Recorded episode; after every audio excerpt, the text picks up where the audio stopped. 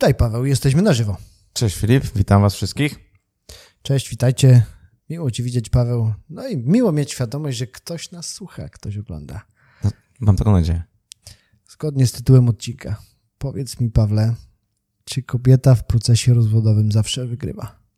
Zawsze nie, ale statystyki są nieubłagane dla nas mężczyzn e, i w większości wypadków, e, no niestety to ci mężczyźni są uznawani za winy w rozpadzie poczucia małżeńskiego. Co prawda nie jest to taka spektakularna ilość, jakby nam się wydawało, bo e, w zeszłym roku rozwody z winy kobiet zostały orzekane tylko i wyłącznie w 3% spraw była wina, wyłączna wina w rozpadzie poczucia małżeńskiego u kobiet.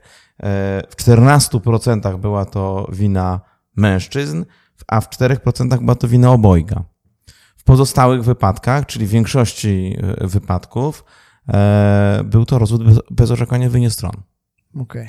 Czyli, czyli wyniki, są trochę na plus te kobiety. Czyli wyniki naszej ankiety w grupie na Facebooku, w grupie Bez Żargonu, w której okazało się, że nieznaczna większość, późno zrobiliśmy tę ankietę, bo zrobiliśmy ją późno. dzisiaj pod, przed programem, mogliśmy to zrobić wcześniej, więc mamy takie wyniki, było kilkadziesiąt głosów, e, ale nieznaczna, e, z nieznaczną przewagą do tej pory przynajmniej wygrała opcja że mężczyzna i kobieta są równo traktowani w procesie rozwodowym, e, nad tą, że kobieta jest faworyzowana. W ogóle nie umieściliśmy takiej opcji, że to mężczyzna jest faworyzowany. No właśnie, to jest no, ciekawe, że żadnemu z nas nie przyszło to do głowy. No właśnie masz rację, no rzeczywiście nawet nie pomyślałem. Trzeba było to zrobić, ale jak teraz o tym myślę.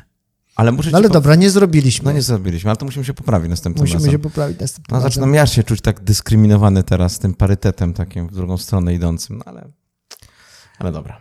Ale może to wynika z tego, e, odnoszę się do Twoich doświadczeń, bo e, Ty prowadzisz sprawy rozwodowej, sprawy rozwodowej, w ogóle zajmujesz się prawem rodzinnym, czego ja nie robię. W związku z tym poniekąd e, ja się będę odnosił do Twoich doświadczeń i Ciebie pytał o to, jak realia tego procesu, który ja widzę trochę na, zajmując się innymi sprawami powiązanymi jakoś ze sprawami rodzinnymi, widzę.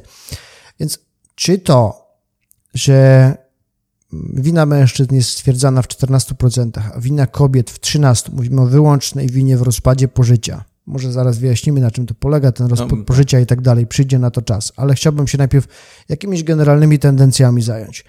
Czy to wynika z tego, że my, jako płeć, jesteśmy rzeczywiście winni temu rozpadowi pożycia, czy uważasz, że mm, przyczyna w y, takich orzeczeniach sądu tkwi w jakichś uprzedzeniach ze strony składów orzekających. Masz jakieś przemyślenia na ten temat? To znaczy, ja mam inaczej. Mm, też czytałem takie statystyki, e, które dotyczyły w ogóle procesu rozwodowego i 42% powodów e, rozpadu pożycia małżeńskiego e, wprowadzonych do tych statystyk to była niezgodność charakteru.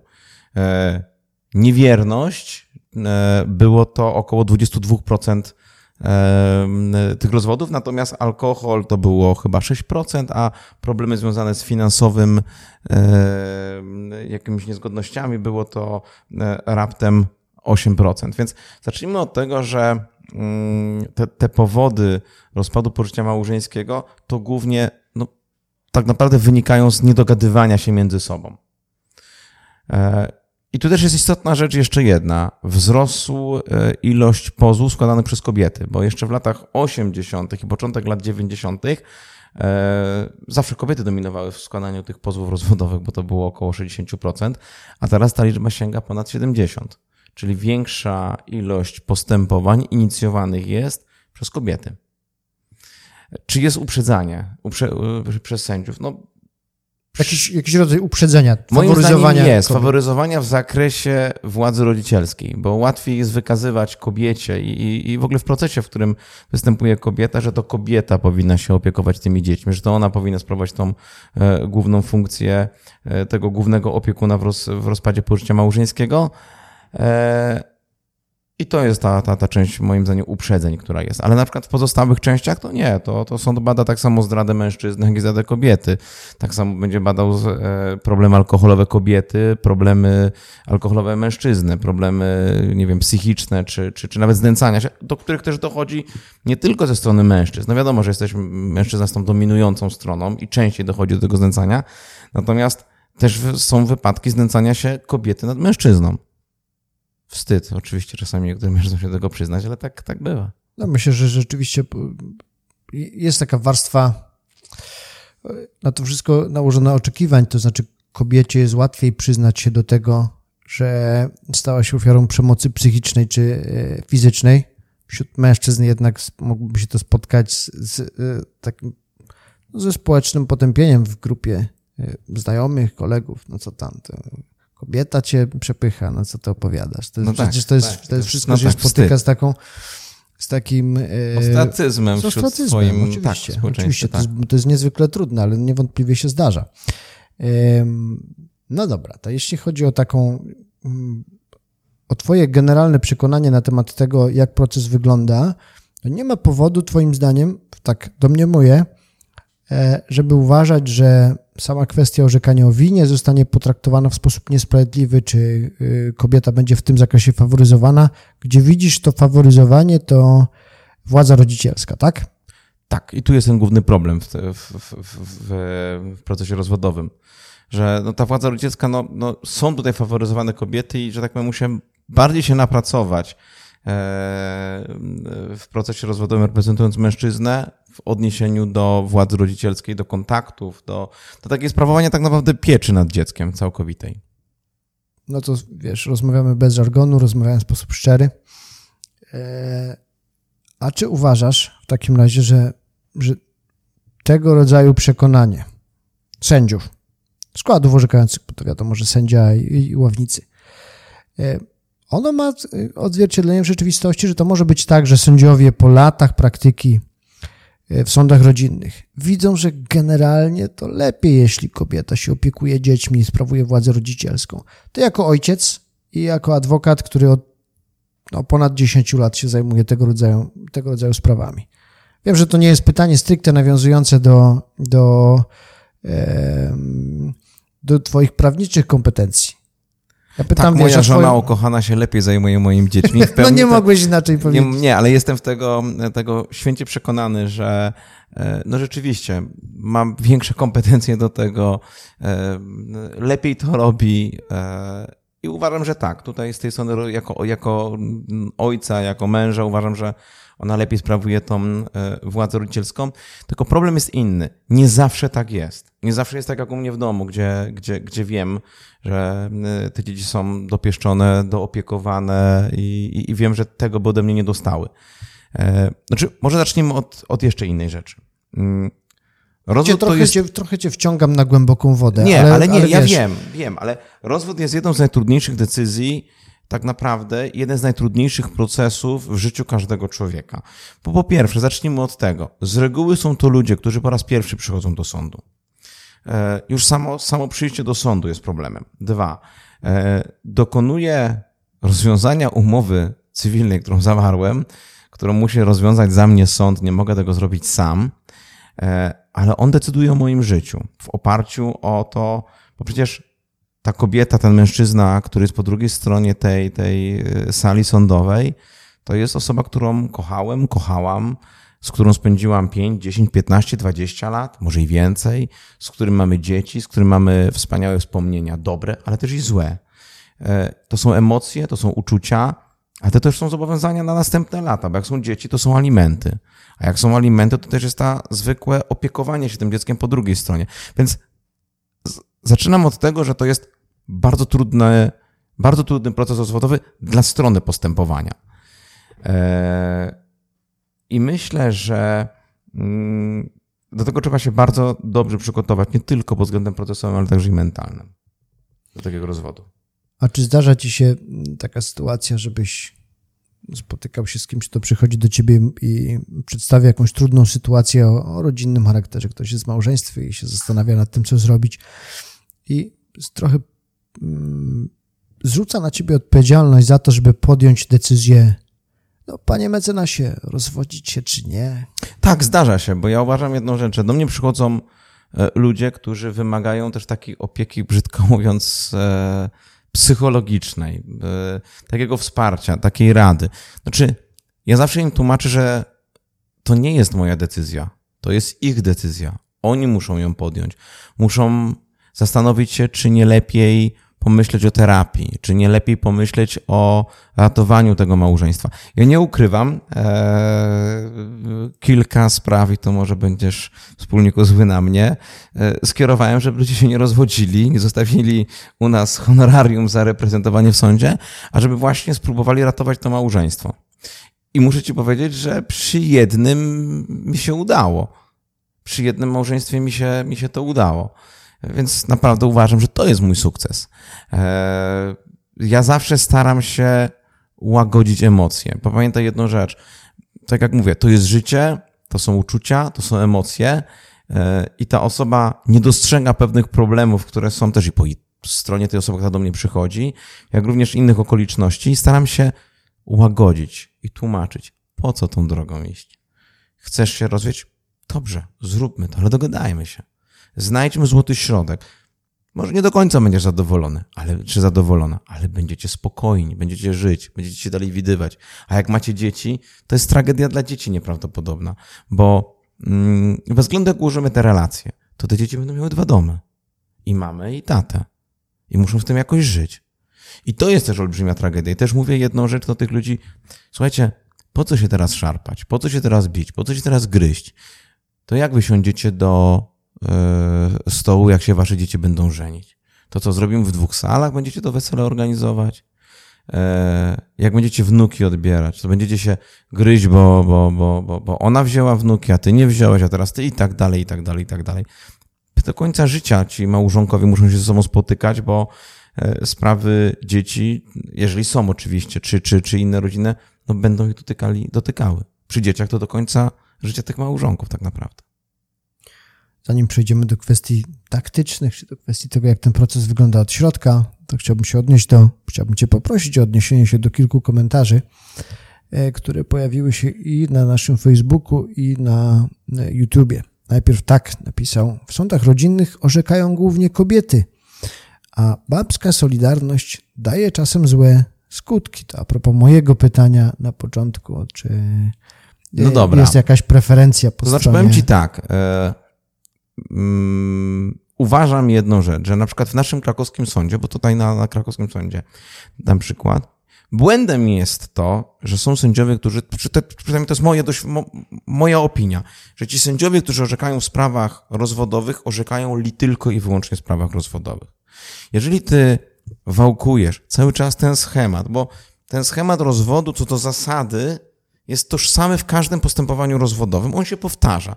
Czy tam będą znęty, czy nie będą znęt, e, czy tam będą jakieś przemoc... znęcanie, tak? Jak, znaczy, jakaś forma... Przepraszam, forma znęcania się. Ten, z reguły to się bardzo często pojawia, sędziowie tam machają na to ręką, a no to w każdej sprawie tak jest. Jest rozwód, to już za chwileczkę się przestępstwo znęcania i zawiadamiania i tak dalej, i tak dalej e, pojawiają. E, oni są dla mnie sędziowie czasami zmęczeni. Nie, nie, nie chcę mówić, że spatrzeni, ale zmęczeni tą samą historią, która cały czas im się powtarza. E, I to jest duży problem. W naszym sądzie w Krakowie jest więcej kobiet. To prawda, niżli mężczyzn. Nie ukrywam, że jak wiem, jaki sędzia będzie prowadził sprawę, to wiem, co lubi, czego nie lubi, jakie dowody lubi, jakich dowodów nie lubi, jak ten proces będzie wyglądał Ale to i tak, tak dalej, samo, i tak dalej. Wiesz taka sama prawidłowość występuje w sprawach karnych, cywilnych, jakichkolwiek. No przecież pracujesz z tymi ludźmi, w związku tak. z tym zdajesz sobie sprawę z tego, jakie są preferencje co do sposobu działania i jakie jest orzecznictwo. No wiesz, no to, to, to, to jest przewaga własnego terenu. To jest przewaga mojego terenu. Zgadza się i tutaj w pełni, w pełni się w tym zgadzam. Natomiast nie uważam, przynajmniej ja nigdy nie spotkałem się na sali sądowej, że jak orzekała kobieta, to trzymała stronę kobiety, jak orzekał e, mężczyzna, to trzymał stronę mężczyzny. Nie jest tak. Nie, tutaj to, ten mit mogę, jak już kiedyś było takie fake fact, mieliśmy taki odcinek, to to jest e, raczej fake. To nie jest tak. To następny komentarz z Facebooka. Michał Łapok pisze, jeśli chodzi o uprzedzenia, to ja to widzę je właśnie w przypadku winy. Mężczyznom jest trudniej wykazać współwinę, natomiast jeśli chodzi o dzieci, to nie dostrzegam tej słynnej dyskryminacji. Dobra, więc jeżeli chodzi o, yy, o winę, że trudniej wykazać współwinę. Zacznijmy od tego, że rozpad pożycia małżeńskiego, czyli rozwód, można uzyskać wtedy, kiedy nastąpiły rozpad trzech więzi, czyli fizycznej, gospodarczej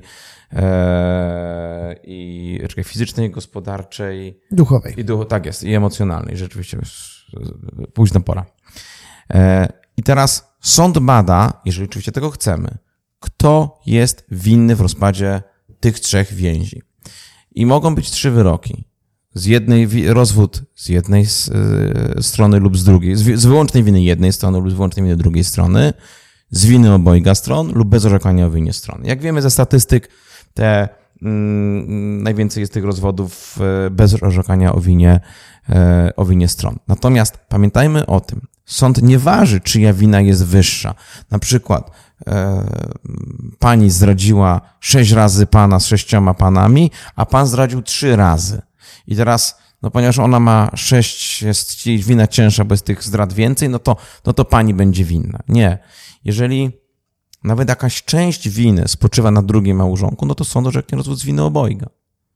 To sąd orzeknie z winy obojga. Yy, natomiast oczywiście pojawiają się czasami takie stereotypy, a bo mężczyzna na pewno zdradzał i tak dalej, i tak dalej. Nie to też nie do końca jest tak. Można udowodnić winę kobiecie.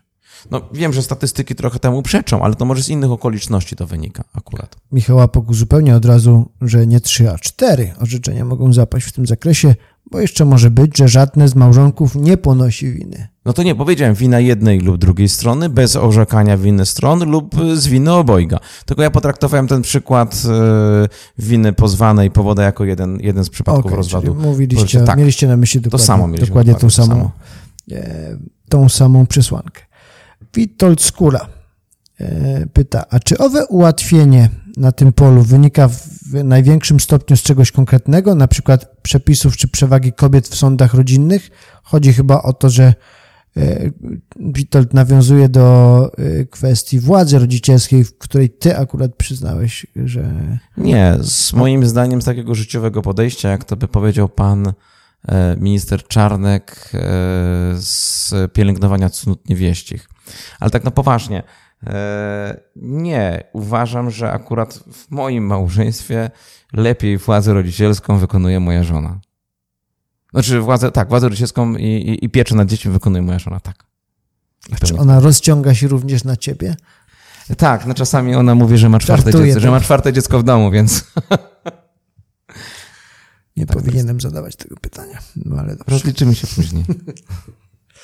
No dobra, czyli mamy taką generalną, generalny obraz procesu rozwodowego, z którego wynika, że mm, pewne uprzedzenia dostrzegasz, jeśli chodzi o opiekę nad dziećmi, tak? Tak. I pewną Tutaj, preferencję wobec, wobec kobiet. Znaczy, które... Łatwiej jest kobietom uzyskać władzę rodzicielską i powiedzieć, mm, że ja przecież się opiekuję dzieckiem. Wiadomo, że do pewnego wieku no nie ma możliwości, żeby na przykład, nie wiem, dziecka od 1 do, do, do, do 3 przekazać ojcu. To musiała być naprawdę straszna deprawacja ze strony matki tego dziecka, żeby na przykład dziecko, które jest karmione przez matkę, no żeby odbierać matce i dawać pod pieczę ojcu, no to, są, to jest nierealne, to, to, to sobie z tego zdajemy sprawę.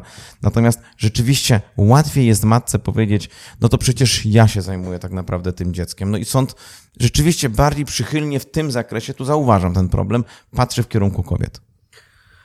Nie po raz pierwszy dzisiaj zaznaczyłeś kwestię tego, że trzeba mieć przed procesem rozwodowym, pewnie każdym innym również, ale rozwodowym e, w szczególności plan. E, pisałeś też kiedyś taki tak. artykuł na, na naszej stronie i w związku z tym chciałbym Cię zapytać, co masz na myśli, mówiąc o tym planie przed procesem rozwodowym? Znaczy tak, żeby się przygotować do procesu rozwodowego, to się muszę zastanowić po pierwsze, czy ja tego rozwodu chcę. E, tu jest taki jeden plus, że ustawodawca dał taką możliwość zmiany tego stanowiska aż do czasu tak naprawdę e, wyroku rozwodowego w postępowaniu apelacyjnym. E, czyli, że na przykład nawet już jest apelacja i ktoś jednak strony dojdą do porozumienia, nie, my jednak trwamy w małżeństwie, no to, to, to mamy szansę zmienić to stanowisko aż do samego końca de facto. Ja muszę mieć plan tak naprawdę, co ja chcę osiągnąć w tym procesie. Jakie są moje cele? Czy ja chcę orzekać tej winy, czy nie chcę? Czy ja chcę sprawować pieczę nad tym dzieckiem, czy nie? Jeżeli piecza ma być naprzemienna, to gdzie ma być domicyl, czyli miejsce zamieszkania tego dziecka? No bo dziecko, mimo tego, że jest tydzień mamy, tydzień u taty, bo też to jest możliwe, zresztą o tym też chcę za chwilę powiedzieć, to musi mieć miejsce zamieszkania. No nie może mieć dwóch miejsc zamieszkania, więc musi być wskazane. E, jeżeli nie ma tej pieczy naprzemiennej, to jak mają wyglądać kontakty z tym dzieckiem? Jeżeli mamy kontakty, no to jeszcze koszty utrzymania i ile ja mogę przekazywać temu dziecku tych, tych pieniędzy. Bo pamiętajmy, alimenty są pieniądze nie dla tej wrednej Francy, która na siebie wydaje, czy na tego wrednego faceta, tylko na dziecko, no bo dziecko kosztuje jego utrzymanie, prawda? Już pomijam jedzenie, koszty i tak dalej, ale wszystkie inne, to, to, to, to co płacimy. A nie widzisz jako człowiek, jako adwokat, który reprezentuje zarówno kobiety, jak i mężczyzn, nie widzisz takiej taki, tak, takiego zjawiska, że te alimenty, które są przyznane na dziecko, są wykorzystywane także przez rodzica do, do zaspokojenia jego własnych potrzeb? Nie, nie, nie, to tak nie okay. jest. To tak nie jest. To e, zważmy na to, że my sobie tak naprawdę nie zdajemy sprawy, ile kosztuje nas utrzymanie tego dziecka. No bo jak mieszkamy w tym mieszkaniu, e, bo to byśmy już przeszli w sumie do tej części takiej już konkretnej. No bo może inaczej. Na koszty utrzymania dziecka składa się wszystko. Każda złotówka, którą wydajemy, to jest wliczana do kosztu tych, do kosztu tych alimentów, czyli e, zarówno zamieszkanie, czyli jak mamy na przykład czynsz, spłacamy, płacimy czynsz miesięczny, no to w tym mieszkaniu mieszka już po rozwodzie mama e, e, z Jasiem i, ma, i, i jeszcze babcia na przykład mieszka. No to koszt utrzymania tego domu to jest jedna trzecia na to dziecko, czyli gaz, czynsz, prąd, jak potrzebny jest internet, no to internet, jak dziecko też ma prawo dostępu do telewizora, no to też telewizor, czyli wszystkie opłaty, które dotyczą domu i one też rozkładają się na dziecko, oczywiście w proporcji e, do, do, do, do ilości na przykład ludzi w tym mieszkaniu. Przecież też śniadanie dziecku robimy do szkoły. Robimy też dziecku śniadanie rano, jak je. E, wszystkie wycieczki, wyjazdy. Jakbyśmy tak rzeczywiście zliczyli te koszty, no to te alimenty, które są, to uważam, że one i tak czasami w wielu wypadkach nie pokrywają realnie wykładanych kosztów e, rodzica na dziecko. Tutaj nawet połowę, jak powiemy, no dobra, no ale, ale drugą połowę, no sąd zasądził 1200 zł na alimenty, no to jak 2,5 tysiąca dziecko wydaje miesięcznie? No to też musimy pamiętać o tym, że druga strona, która ma tą pieczę, ma tak, też tak zwane osobiste nakłady, osobiste starania na to dziecko. Przecież to ona musi codziennie go zaprowadzić do szkoły, prawda? I przez to, że, że ta jedna osoba zaprowadza dziecko do szkoły, odbiera, chodzi na klasę, na wywiadówkę i tak dalej, i tak dalej, uczy się, załatwia te wszystkie rzeczy związane z codziennością życia tego dziecka, to są też i osobiste starania na utrzymanie tego dziecka. No więc to też powinniśmy na to zwrócić uwagę. Mamy pytanie e, od Bartłomieja Guralika, który pisze, jak oceniacie orzecznictwo w sprawach rozwodowych pod kątem zabezpieczenia kontaktów ojca z dziećmi? Myślę, że będziesz musiał wyjaśnić, na czym to no zabezpieczenie polega, a e, potem Bo, jak oceniasz to orzecznictwo. Dobra, jak wiemy o tym, jak każdy niestety proces w Polsce i to jest duża bolączka naszego systemu prawnego, co wymagałoby właśnie chyba największej reformy, to jest szybkość postępowań e, wszelkich, nie tylko rozwodowych. Oczywiście zdarzają się sądy, które, które potrafią po półtora miesiąca odłożenia pozwu, wymianie odpowiedzi na pozew e, w sprawie rodzinnej, rozwodowej wyznaczyć termin. Przykładem jest na przykład Sąd Okręgowy w Tarnowie, który bardzo szybko wyznacza terminy rozwodów. E, to w Krakowie potrafi od złożenia pozwu trwać co nawet i 6 miesięcy. No i wiadomo, że jeżeli składamy Mówimy o czasie od złożenia, złożenia pozwu, pozwu, do wyznaczenia do, rozprawy do pierwszej. Do czasu, kiedy ta pierwsza rozprawa się odbywa, tak? Tak. No i dobrze. I do, powiedzmy, na tej pierwszej rozprawie też nie skończymy, ten proces się toczy, są świadkowie, są dowody do przeprowadzenia i tak jest tak zwany dawny RODK, czy jak jeden sędzia mówił RODEK, teraz OZSS, specjalny e, opiniodawczy zespół sądowych specjalistów, którzy tam ocenia kompetencje rodziców do opieki, i tak naprawdę wydaje opinie dotyczące tej władzy i tak dalej, i tak dalej, i tak dalej. Więc ten proces może trwać, no, mój rekord to jest 4,5 roku. proces, który trwał. Zresztą bardzo fajny. E, bardzo fajnie to też. Z też... procesowego, z Twojego punktu widzenia? Nie, z życiowego. Okay. Ja powiem to tak szybko. Dlaczego? Dlatego, że tu ja reprezentowałem mężczyznę, po drugiej stronie była kobieta. Tłukli się niemiłosiernie w tym procesie. Po prostu to była wojna, co najmniej druga wojna światowa, jeszcze Hiroshima zahaczało. I nagle pewnego dnia przychodzi do mnie mój klient i tak, panie mecenasie, dogadałem się, rozwodzimy się bez orzekania winie stron. Ja zostałem wgięty w fotel po tylu latach. Dobra, dzwonię do kolegi, który był po drugiej stronie. Wy też słuchają i tak, wiem. Ja wiem, tak, tak, wiem. Rozwodzimy się. No niesamowite. I rozwiedli się, słuchaj. Po 4,5 roku poszliśmy na jedną rozprawę, dopięliśmy temat. Nie minął rok, może półtora od tamtego czasu. Ja tych ludzi spotykam na kleparzu, idących za rękę i mówię, panie mecenasie, nie uwierzy pan, ponowny bierzemy ślub cywilny. I wiem, że są dalej ze sobą, urodziło się im teraz dziecko, bo e, przyszli nawet z jakimś tam pytaniem jakieś dwa lata temu do mnie, więc wiem, że przynajmniej dwa lata temu byli dalej ze sobą, więc to ciekawe. No ale dobra, wrócimy do głównego okay, nurtu. Bo Bartłomiej Góralik zastanawia się, jak to się ma do jak to się ma pytania. Do tego, tak, wrócimy do, wrócimy do głównego nurtu, e, a mianowicie e, ten proces trwa długo. No i na między tymi rodzicami nie ma porozumienia. No i musimy zapewnić sobie na przykład tata kontakty z tym dzieckiem, więc na czas trwania procesu mogę żądać tak zwanego zabezpieczenia mojego roszczenia, czyli zabezpieczenia moich kontaktów z dzieckiem. I to pierwsze. To na razie wytłumaczyliśmy o co chodzi, a zaraz odpowiem Bartkowi na pytanie. Eee, jak no to brzmiało? Już... Jak oceniacie orzecznictwo w sprawach rozwodowych pod kątem zabezpieczenia kontaktów ojca z dziećmi? Znaczy teraz tak, ponieważ rzeczywiście jest to sam początek tego postępowania cywilnego i to, tego rozwodowego. I tak jak mówiłem, to jest główny problem takiej dyskryminacji mężczyzn w postępowaniu rozwodowym, to rzeczywiście e, te kontakty czasami są za małe w stosunku do chęci tych rodziców utrzymywania kontaktu z dziećmi. I tu rzeczywiście pojawia się czasami problem, że one są bardzo okrojone, nie są takie, jakie mogłyby być. E, no i tutaj rodzice, mężczyźni są moim zdaniem dyskryminowani w tym zakresie. To jest ten, ten, ten etap, który jest. Natomiast rzeczywiście jak porządnie się przygotujemy do tego procesu i, i, i, i jesteśmy w stanie rzeczywiście te dowody zgromadzić, przygotować, to jesteśmy rzeczywiście dostać ten wyrok e, korzystny tak, jak sobie tam planowaliśmy, prawda? Czyli jeśli dobrze rozumiem, to powiedziałeś, że w czasie procesu sąd musi zdecydować o tym, no ale co w trakcie tej sprawy będzie się działo z dzieckiem? Ile no. u mamy, ile u taty, tak? tak? I na tym etapie tego zabezpieczenia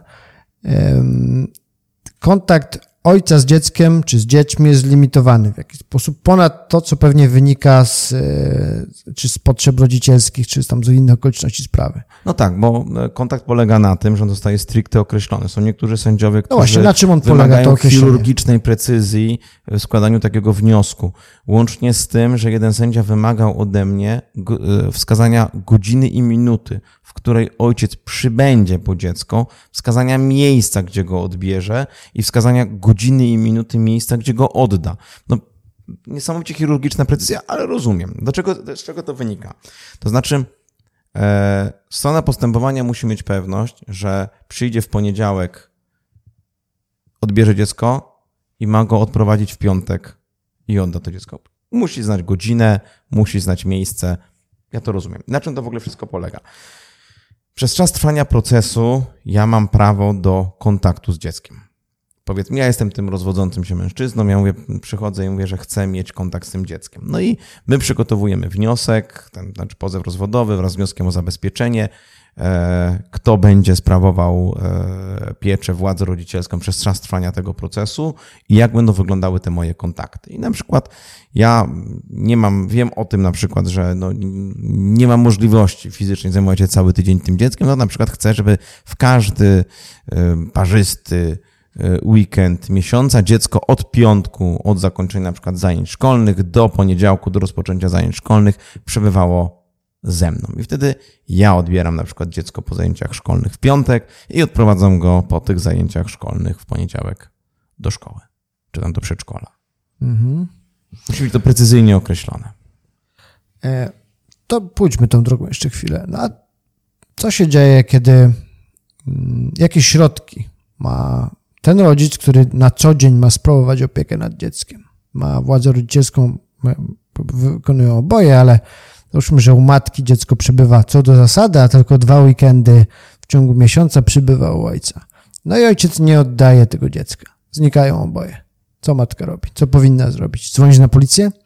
No czy tak, na pewno to, to jest jedna, jedna z możliwości, żeby poinformować, e, poinformować policję, ale tutaj są problemy.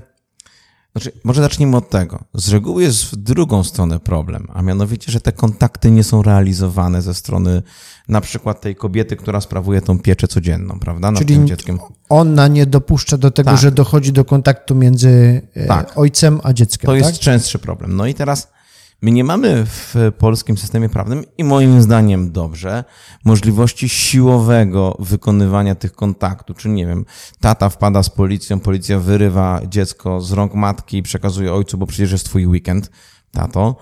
Tylko yy, robi się to w sposób fiskalny. To znaczy, można już w zabezpieczeniu napisać taki punkt, który zobowiąże matkę do tego, że jeżeli nie wykona obowiązku nałożonego przez sąd, e, no to może e, sąd za każde niewykonanie obowiązku nałożyć na nią karę pieniężną w kwocie i tutaj w zależności od jej zarobków. No to musi być kara na tyle w cudzysłowie dotkliwa. To, to nie może być, nie wiem, 50 zł, 100 zł, tylko są to kwoty rzędu, przynajmniej jak ja to zawsze robiłem, były to rzęd, kwoty rzędu 500 zł, 1000, 1500 zł. Taka Coś, co kara. motywuje, tak? Coś, co motywuje, że ona musi wykonać, bo jeżeli nie, no to jest tam możliwość zasądzenia na rzecz tego drugiego rodzica za każdy niezrealizowany kontakt e, tej kwoty, e, tej kwoty pieniężnej. I to jest, i to jest główny problem. Odebranie dziecka natomiast to jest bardzo skomplikowana procedura. To musi być wydane postanowienie, to musi być w obecności psychologów. To jest, to, jest, to jest bardzo skomplikowane, żeby zrealizować coś takiego. Tylko, że ja zawsze tłumaczę moim klientom. Ja rozumiem, że ty e, potrzebujesz pomocy, że ty chcesz tego kontaktu. Ja rozumiem, że ty chcesz e, odebrać to dziecko, ale czy jest sens robić traumę temu dziecku? Bo to jest najważniejsze. Cały czas tłumaczę tym rodzicom. Pamiętajcie, traumatyzujecie to dziecko. I to jest główny problem, żebyście mieli na uwadze nie wasze osobiste ambicje, nie waszą osobistą, żeby dołożyć drugiej stronie, bo ja zabiorę dziecko i tak dalej, i tak dalej. E, Tylko żebyście mieli na uwadze dziecko, że ono to nieprawdopodobnie przeżywa. I druga rzecz, która też tłumaczę moim ludziom. A panie mecenasie, bo Kacperek jak e, idzie do mamy, to płacze u mnie mówi, że do mamy nie chce iść. A ja mówię, a ja się założę z panem, że Kacperek jak ma iść do pana, to płacze u mamy, że nie chcę iść do pana. Ale jak to jest? Ja mówię, no właśnie. Bo to jest też tak zwany konflikt pewien lojalnościowy, który u tych dzieci występuje, że dzieci może nawet nieświadomie, ale grają z tym rodzicem, że no przecież ja cię tak jakby pokazują, że ja cię bardziej kocham. Ja chcę być z, bardziej z tobą niż na przykład z mamą. Czyli oboje dostają sygnały lojalności dziecka, tak? Dokładnie. Niezależnie od siebie. I rodzice tego dopiero, jak im pokazuję na przykładach, opowiadam, jak są sytuacje, jak to wygląda, zaczynają zdawać sobie sprawę z tego, że tak rzeczywiście może być. Oczywiście nie mówię tutaj o ekstremalnych przypadkach, że rzeczywiście ta matka e, czy tam ojciec źle się zajmuje tym dzieckiem i, i, i to dziecko jest traumatyzowane. Natomiast cały czas mówię, po pierwsze, pamiętajcie o tym, to jest duży problem e, na przyszłość dla tego człowieka. Jego na systemu wartości, jego, jego podejścia do kobiet czy do mężczyzn. To też jest bardzo ważne, żeby na to zwrócić uwagę i dbajcie o to dziecko. I zawsze, zawsze staram się to tym moim klientom wytłumaczyć. E, Też tłumaczę jedną rzecz, że pamiętajcie, wy możecie się żreć jak psy. My możemy walczyć w sądzie o, o, o, o wszystko. O wszystko. Możemy sobie w cudzysłowie dokuczać i walczyć ze sobą, ale pamiętajcie, dziecko nie ma prawa być świadkiem tego. Bo to jest to, co przed chwilą powiedziałem. Pamiętajcie, że to dziecko też musi wejść w relacje damsko-męskie na jakimś etapie swojego życia. Musi założyć rodzinę i ono będzie przekazywało pewne wzorce, które zobaczył u was swoim dalszym dzieciom. Więc na to też muszą rodzice ci uważać. Trochę przeskoczyliśmy do pewnych wątków szczegółowych. Mm, Może powiedziałbyś trochę na temat tego, czym w ogóle sąd w procesie rozwodowym się zajmuje? Bo mamy przede wszystkim kwestię winy, to pojawiało się i w pytaniach, i w komentarzach. I w Twojej wypowiedzi też, że jest to coś, czym zajmuje się sąd i powiedziałeś też o kilku rodzajach orzeczeń, które może sąd w procesie rozwodowym wydać na temat y, winy w rozkładzie pożycia. Wina to jest raz. No dobra. Co jeszcze? No to może co powiem... musi być w każdym procesie rozwodowym, a co można tam jeszcze dodać, czy też odjąć? Dobra, no to e, zacznijmy od tego, że to tak naprawdę proces, znaczy sąd rozwodowy, czyli sąd rodzinny, zajmuje się tak naprawdę wszystkim tym, co ty napisałeś w pozwie rozwodowym. E, dlaczego ty mówię? Bo to też pomoże w konstrukcji pozwu rozwodowego. Czyli po pierwsze, musimy napisać w pierwszym punkcie, że chcemy rozwodu. Musimy określić, czy go chcemy, tak jak mówiliśmy, z winy, bez winy, czy z winy obojga. Dwa, musimy napisać o władzy rodzicielskiej. Kto ma sprawować tą władzę rodzicielską? I tutaj, czy ma być ta władza rodzicielska powierzona obojgu małżonkom, czy tylko jednemu z nich z ograniczeniem temu drugiemu władzy rodzicielskiej? Zaraz o tym też trochę rozwinę. E, jeżeli jest władza rodzicielska, e, jednemu z nich powierzona e, z ograniczeniem drugiemu na przykład, to jak mają wyglądać kontakty tego jednego rodzica z drugim rodzicem? E, jeżeli mamy to określone, to jeszcze warunkiem istotnym i najważniejszym, też bardzo ważnym w, w procesie są alimenty, czyli sąd bada, jakie są możliwości finansowe jednego rodzica, drugiego rodzica i jakie są potrzeby małoletniego. I to jest, i to jest czwarta rzecz, którą sąd, sąd bada w postępowaniu rozwodowym. No i piąta, taki relikt perelowski, sposób korzystania z mieszkania. Ja w mojej karierze e, jeszcze nigdy się nie spotkałem, żeby sąd w wyroku rozwodowym orzekł, jak mam korzystać z mieszkania. A to wynika z tego, że w czasach PRL-u, no, no luksusem było w ogóle posiadanie chyba mieszkania na własność, a no, ten drugi współmałżonek, który się rozwodził, z reguły zajmował drugi pokój po prawej stronie od wejścia, a, a ten pierwszy, pierwszy pokój po lewej stronie od wejścia. Czyli sąd musiał orzec o sposobie korzystania z mieszkania i e, ten relikt pozostał w tych wyrokach, że sąd w ostatnim punkcie orzeka o, e, nie orzeka o sposobie korzystania z mieszkania wspólnego. A w takim razie podział majątku? Znaczy, podział majątku jest możliwy w procesie rozwodowym, natomiast. Yy, tego się raczej nie poleca. Nie, nie, ja tego nie polecam z kilku powodów. Po pierwsze, sąd nigdy tego nie zrobił jeszcze. E, sąd rozwodowy to jest kolejny proces cywilny, składający się z olbrzymiej ilości świadków, z olbrzymiej ilości e, opinii biegłego. Długi, czasochłonny i ten rozwód trwałby nie, powiedzmy w tym ekstremalnym przypadku 4,5 roku, tylko trwałby 10 lat. Taka jest prawda. E, bo najpierw badalibyśmy winę, skończylibyśmy tą winę, badalibyśmy władzę, dzieci by już dorosły, już by nie było czym się zajmować, a teraz trzeba jeszcze dzielić majątek. Nie, sądy tego nie robią. Jedynym tak naprawdę wyjątkiem, kiedy sąd to zrobi, kiedy jest zgodny podział majątku rozwodowego, e, majątku e, wspólnego. Wtedy, wtedy rzeczywiście sąd jest w stanie pochylić nad tym głowę i się tym zająć. Bartłomiej Góralik pisze tak. Czy często spotykacie się z problemem niewydawania dzieci rodzicowi uprawnionemu do kontaktów? Jakie są najczęściej podawane przez strony powody, y, z których nie dochodzi do realizowania kontaktów? E, tość, to, jest, to jest problem. To, czy, to jest jeden z głównych problemów w procesie rozwodowym, że ona albo on, no z reguły ona, nie chce wydać tego dziecka. E, z pewnych względów ona uważa, czy pozwana uważa, czy powódka uważa, że on się nie umie nim zajmować, że się nim będzie zajmował. E, ona, znaczy kobieta uważa, że e, ona się lepiej zajmuje i tak dalej, i tak dalej. I mówi, że dziecko nie chce. Tylko to jest niestety przekładanie e, moich negatywnych uczuć na mojego współmałżonka jeszcze w stosunku do dziecka i, i, i dziecko dostaje tą informację i rzeczywiście zaczyna czasami być problem z tym. Niestety jest to problem, jeden z najczęstszych problemów w postępowaniu rozwodowym, że nie, nie wydawanie dziecka, nie realizowanie kontaktów zgodnie z postanowieniem, bo e, to, to też czasami wynika ze złego postrzegania okoliczności i, i, i całej sytuacji życiowej, rodzinnej e, przez jedną ze stron. Mówię ona i mówię o kobiecie, bo to niestety częściej po, po, po tej drugiej stronie zachodzi taka okoliczność. To jeszcze e, Bartłomiej Góralik zapytał o coś takiego. Czy sądy, pozostając przy procesie rozwodowym w toku sprawy, prawidłowo reagują na problem niewydawania dzieci drugiemu rodzicowi. To znaczy, ja mam jedyne zastrzeżenia, że to wszystko trwa zbyt długo, zbyt opieszale. To jest maszyna, która jest nienaoliwiona i te typy się tak powoli obracają, kręcą.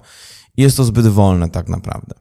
Więc ja bym polecał, żeby już w zabezpieczeniu na samym początku e, wskazywać, że jednym z punktów moich roszczeń jest zagrożenie uczestniczce, powódce pozwanej lub powodowi pozwanemu e, karą pieniężną w kwocie X, Y, Z.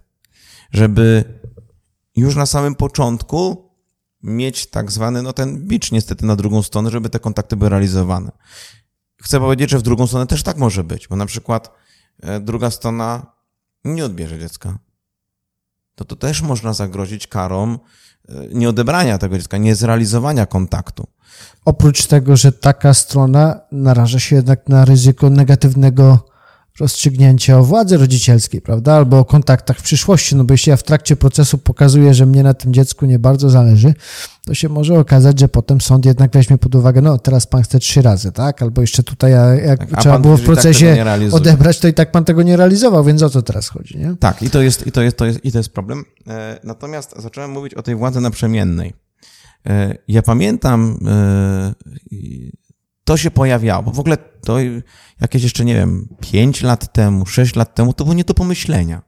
Co? Dziecko? Dwa domy? Dwa, dwa systemy? Nie ma takiej możliwości. To jest nierealne. Ja pamiętam, jak jedna pani sędzia normalnie powiedziała, czy, że, że normalnie no to są jakieś nie, niezrozumiałe dla niej w ogóle. Nie myślimy o dziecku, nie myślimy o okolicznościach i tak dalej, i tak dalej, i tak dalej.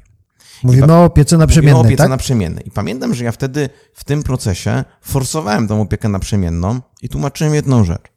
To ja pokażę teraz, na, już nie wiedziałem jak to wytłumaczyć. I pamiętam, że ja to rozrysowałem cały miesiąc kolorami.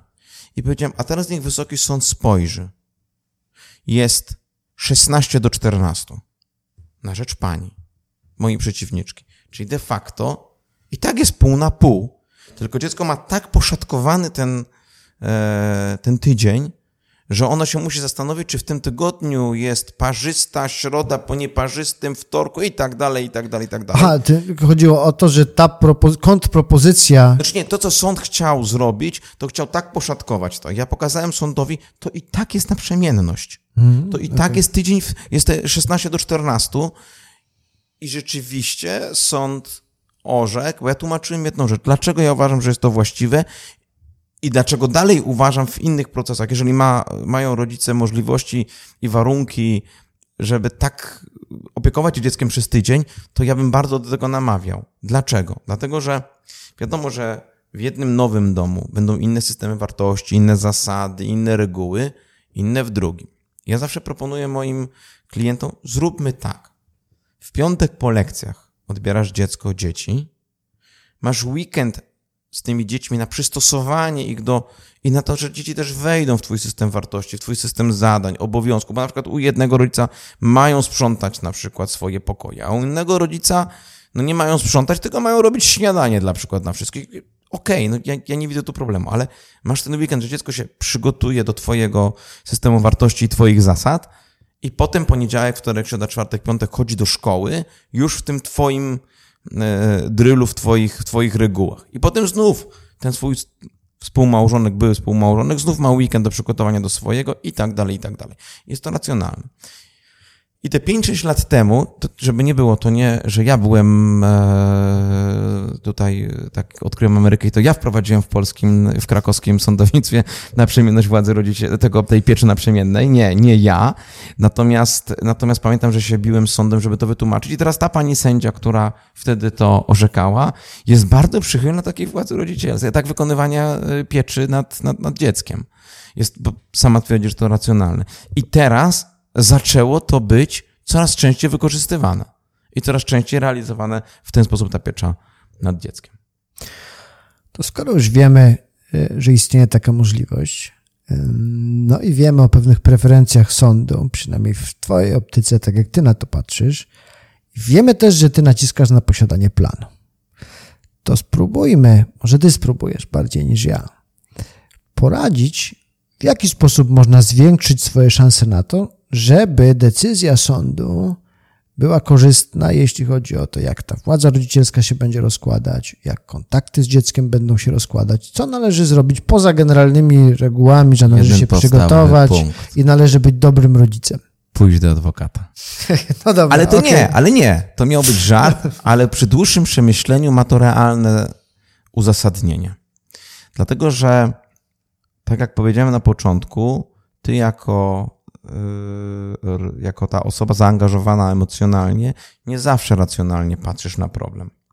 Adwokat stara ci się pokazać spokojnie. Musimy się zastanowić nad tym, jak sprawić, co zrobić, jakie dowody zgromadzić, e, jak się przygotować do rozprawy, jakich świadków wnioskować, żeby ten cel uzyskać. Poza tym, wiadomo, że ja nie mówię, że e, jestem wybitnym adwokatem w zakresie rozwodów, ale uważam, że adwokat też studzi emocje. Niestety nie wszyscy, to też jest taka prawda. To mi szczególnie przeszkadza w procesie rozwodowym, wiesz, dlatego ja tego nie robię. Dlatego występuję dzisiaj w roli bardziej takiej jak e, Ale co ci dziennikarz. przeszkadza? Niezasadne emocje w procesie rodzinnym w ogóle, których, Ale- których ja także wzbudzane przez e, profesjonalnych pełnomocników. Ale, znaczy, Atmosfera takiego sporu na targu. To jest coś, w czym ja się po prostu nie sprawdzam. Mógłbym to robić oczywiście, tylko po co, skoro ja ani tego nie czuję, ani nie lubię w związku z tym, no ale to wiesz o tym, Nie, nie, ja, nie jest to żadna ja, ja, tajemnica. ja lubię w ogóle, ja lubię y, sytuacje sporne, ja lubię wystąpienia w sądzie i ja, ja to lubię. Natomiast ja staram się na każdym etapie łagodzić emocje. Łagodzić emocje mojego klienta, łagodzić emocje czasami drugiej strony, czasami podejść racjonalnie, bo ja może na to mam też inne spojrzenie, bo ja mam e, dzieci, ja mam rodzinę, ja trochę tych rozwodów przerobiłem już w swoim życiu e, i wiem, jakie rzeczy czasami są istotne i na co musimy zwrócić uwagę, że popatrzymy na ten problem, za chwileczkę staram się pokazać mojemu klientowi, ale popatrz na to z innej perspektywy. Po, ja staram się mu też pokazać, popatrz z perspektywy twojej żony lub w procesie tam rodzinnym twojej byłej żony lub twojego męża, twojego byłego męża. Popatrz, jak on na to, czy ona na to patrzy. I zastanówmy się, jak my mamy z tego problemu wyjść, żeby wilk syty i owca cała. I teraz mówisz, jaki jest plan. Przede wszystkim my się musimy przygotować do rozwodu pod względem dowodowym. Eee, ja staram się zawsze próbować rozmawiać z pełnomocnikiem drugiej strony. Powiedzieć, dobrze, porozmawiajmy, zastanówmy się nad tym, znajdźmy złoty środek. Oczywiście czasami jest bardzo trudno, nie tylko dlatego, że pełnomocnik jest zły, tylko pełnomocnik drugiej strony wykonuje wolę swojego klienta też. Eee, I trzeba umieć na tyle rozmawiać, żeby znaleźć, spróbować znaleźć ten złoty środek. Ale jak się nie da, no to musimy się zacząć procesować. Czyli tak naprawdę, to mówię też tym moim klientom, czyli zostawiacie e, obcemu człowiekowi, czyli sędziemu, zostawiacie możliwość zdecydowania o waszym życiu. O waszym życiu na najbliższe 10-15 lat. No bo, tak jak mówię, ta władza, alimenty i tak dalej, i tak dalej. Czy spróbujcie się jeszcze raz zastanowić, czy jednak nie warto samemu zdecydować, jak to życie ma wyglądać. No i dobra. No ale dobra, nie daje się. Druga strona staje o konie, mówi nie, nie, nie, nie. To teraz zbieramy dowody. Dowodem tak naprawdę w sprawie może być wszystko, co udowadnia konkretną okoliczność. E, To mogą być e, nie tylko, nie tylko e, SMS-y, czy, czy, czy jakieś zdjęcia, czy, czy śledzenia przez e, detektywa. To też są takie dowody. Tutaj bardzo istotna rzecz, nie zakładajmy podsłuchów, no bo to jest przestępstwo. No, czy może to się skończyć postępowaniem karnym, jak ja zostawię podsłuch, za tą żoną, ja, ja nie będąc profesjonalistą, detektywem i, i, i potem taka rozmowa jest nagrana, no to ja mogę się narazić na odpowiedzialność karną. No, kazus e, Sowa i przyjaciele, prawda? Tak. Tam też kelnerzy odpowiadali karnie. To myślę, że możecie skojarzyć tą sprawę, przecież głośna sprawa z końca e, rządów e, obecnej partii opozycyjnej, gdzie też kelnerzy podkładali pod stół czy w jakieś tam inne miejsce podsłuchy i to oni odpowiadali karnie za nagrywanie cudzych rozmów. Tak, zgadza się. I to jest, i tu jest, i tu jest ten właśnie problem. E, Dowodem mogą być, nie wiem, nawet na przykład jakieś pocztówki, e, mogą być bilety z kina, mogą być, e, nie wiem, jakieś zdjęcia, które gdzieś przez przypadek się ujawniło. To mogą być też świadkowie. Świadkowie to nie jest tak, że przychodzi do mnie, a czy moja mama może być świadkiem? Tak może być. Świadkiem może być każdy, za wyjątkiem dzieci tej, tego małżeństwa do 17 roku życia. A tak to każdy może być. Brat, siostra, ciotka, wujek, kuzyn, kuzynka, sąsiad, sąsiadka. Wszyscy mogą być świadkami w takim procesie rozwodowym. E, to jest, są dowody na przykład na, na, na winę, brak winy. Te dowody mogą być na opiekę nad dzieckiem. Czyli na przykład właśnie e, ci świadkowie, o których mówiłem, ale na przykład laurki, które dziecko robi, listy, które dziecko tam pisze, na przykład do mamy, taty. E, to mogą być też dowody z e, informacji, jak ja kontaktuję się ze szkołą. No, cała masa tych dowodów jest. Pamiętajmy o tym, że najważniejsze jest to, żeby te dowody były zgodne z prawem. Czyli mówiliśmy już o nagraniach, ale no nie możemy posługiwać się na przykład, nie wiem, treściami maili, że włamałem się na skrzynkę mailową mojego małżonka, małżonki, i, i, i wyciągnąłem e, maile, no to może się narażać tak, że ta osoba, która taki, takie dowody przedstawia na odpowiedzialność karną. E, także na wszystkie te konta facebookowe, jak się włamujemy, bo jeżeli uzyskujemy zdjęcia z otwartego profilu, to jasne, miałem już takie zdjęcia, że pani była bardzo, e, bardzo otwarta w publikowaniu swoich zdjęć na, na Facebooku. Na własną zgubę. Na własną zgubę niestety i tutaj mieliśmy, że tak powiem, stuprocentowe, stuprocentowe zwycięstwo w tym postępowaniu rozwodowym. No ale tutaj sama swój profil, że tak powiem, otworzyła publicznie. Często wspierającym dla postępowania rozwodowego i to etapem, który ja obserwuję, jest proces karny. To znaczy proces e, rodzinny na tyle dominuje w życiu tej pary, że zaczynają przeciwko sobie składać zawiadomienia o podejrzeniu popełnienia przestępstwa rozmaitego rodzaju. Nie tylko znęcanie, o którym wspomniałeś, nie tylko uporczywe nękanie, nie tylko groźby wzajemne. E, cóż tam jeszcze może wchodzić w grę? Pedofilia. Zaczyna tak, być coraz częstsze. W ogóle przestępstwa tak. seksualne, to prawda. Tak, i to, i to Przeciwko niestety, wolności seksualnej. I to niestety zaczyna być coraz, znaczy coraz częściej, jeśli, znaczy żeby nie było, że to jest nagminne, ale procentowo, jak to mi się zdarzało raz na dwa lata, to teraz potrafi mi się zdarzyć nawet dwa, trzy razy w roku. Taka sytuacja. Mnie się to często zdarza, ale ja to troszkę inaczej obserwuję. To znaczy, ja widzę ten proces karny związany z procesem rodzinnym, którego y, nie prowadzę, prawda? Ja odpowiadam za tą część karną. I y, też zdarza się tak, że to też jest nauka, bo y, zdarza się tak, że ta para po kiedy ten konflikt już rozgorzeje, to na przykład składa na siebie zawiadomienia tego rodzaju, bo on podpisał za mnie e, jakieś tam pismo, ale widzisz, co przecież no, jest, jest, nielegalne. Problem... Ludzie tego nie wiedzą bardzo często, że podpisywanie za małżonka, nawet za jego zgodą, jest wciąż No ale nie wiem, czy wiesz, jeden... Chyba, tylko nie, nie wiem, czy... czy A potem pamiętam. to wychodzi w razie sporu, nie? No tak, wychodzi sporu. Jeden przecież nasz słynny dziennikarz, który podpisał e, weksel za swoją żonę, no ma teraz sprawę karną. Ale to jest sprawa, która jest w toku, więc nie chcę, nie bardzo możemy Ale nie, to ja tu mówię z doniesień medialnych Jasne. przecież. Ja mówię z doniesień medialnych. No i widzisz, dokonałeś czynności, a żona mówi, dobra, dobra, podpisz za mnie w takie stronie związkowe, a potem nagle przypomniała, a tutaj cię mam i tu będę cię grillować jeszcze procesem karnym. E, więc tak, tu też, jest, tu też się pojawia problem. I niestety, e, tak jak też mówiłem na początku, bardzo bardzo wiele procesów rozwodowych łączy się z procesami e, karnymi. I najczęstszym procesem jest to zawiadomienie oprócz złożenia pozwu rozwodowego, drugie zawiadomienie o e, znęcaniu się tam psychicznym, fizycznym czy, czy, czy na przykład ekonomicznym jednego małżonka nad drugim małżonkiem. Ale tylko jeszcze jedną rzecz powiem. E, powiedziałem nie bez powodu o na przykład przestępstw na tle seksualnym, czy na przykład właśnie pedofilii. Popatrz, w jakiej trudnej sytuacji w tym momencie stawiamy też ten sąd, któremu e, jedna ze stron donosi wiadomość, że ten e, Jan, mój mąż, no miał skłonności pedofilskie w stosunku do naszych dzieci. I w tym momencie może dojść do olbrzymiej tragedii. Bo teraz tak, my nie wiemy, czy to było, czy nie było. Sąd rodzinny mówi, no dobra, a może coś na rzeczy jest. I teraz ja pozwolę się temu człowiekowi, który ma skłonności pedofilskie, spotykać z dzieckiem. A z drugiej strony patrzę na to, no zaraz. A może to jest jak kilka innych postępowań, wyssane z palca, umorzą postępowanie, ale zanim umorzą postępowanie, minie 9 miesięcy, 6 miesięcy, nawet 3.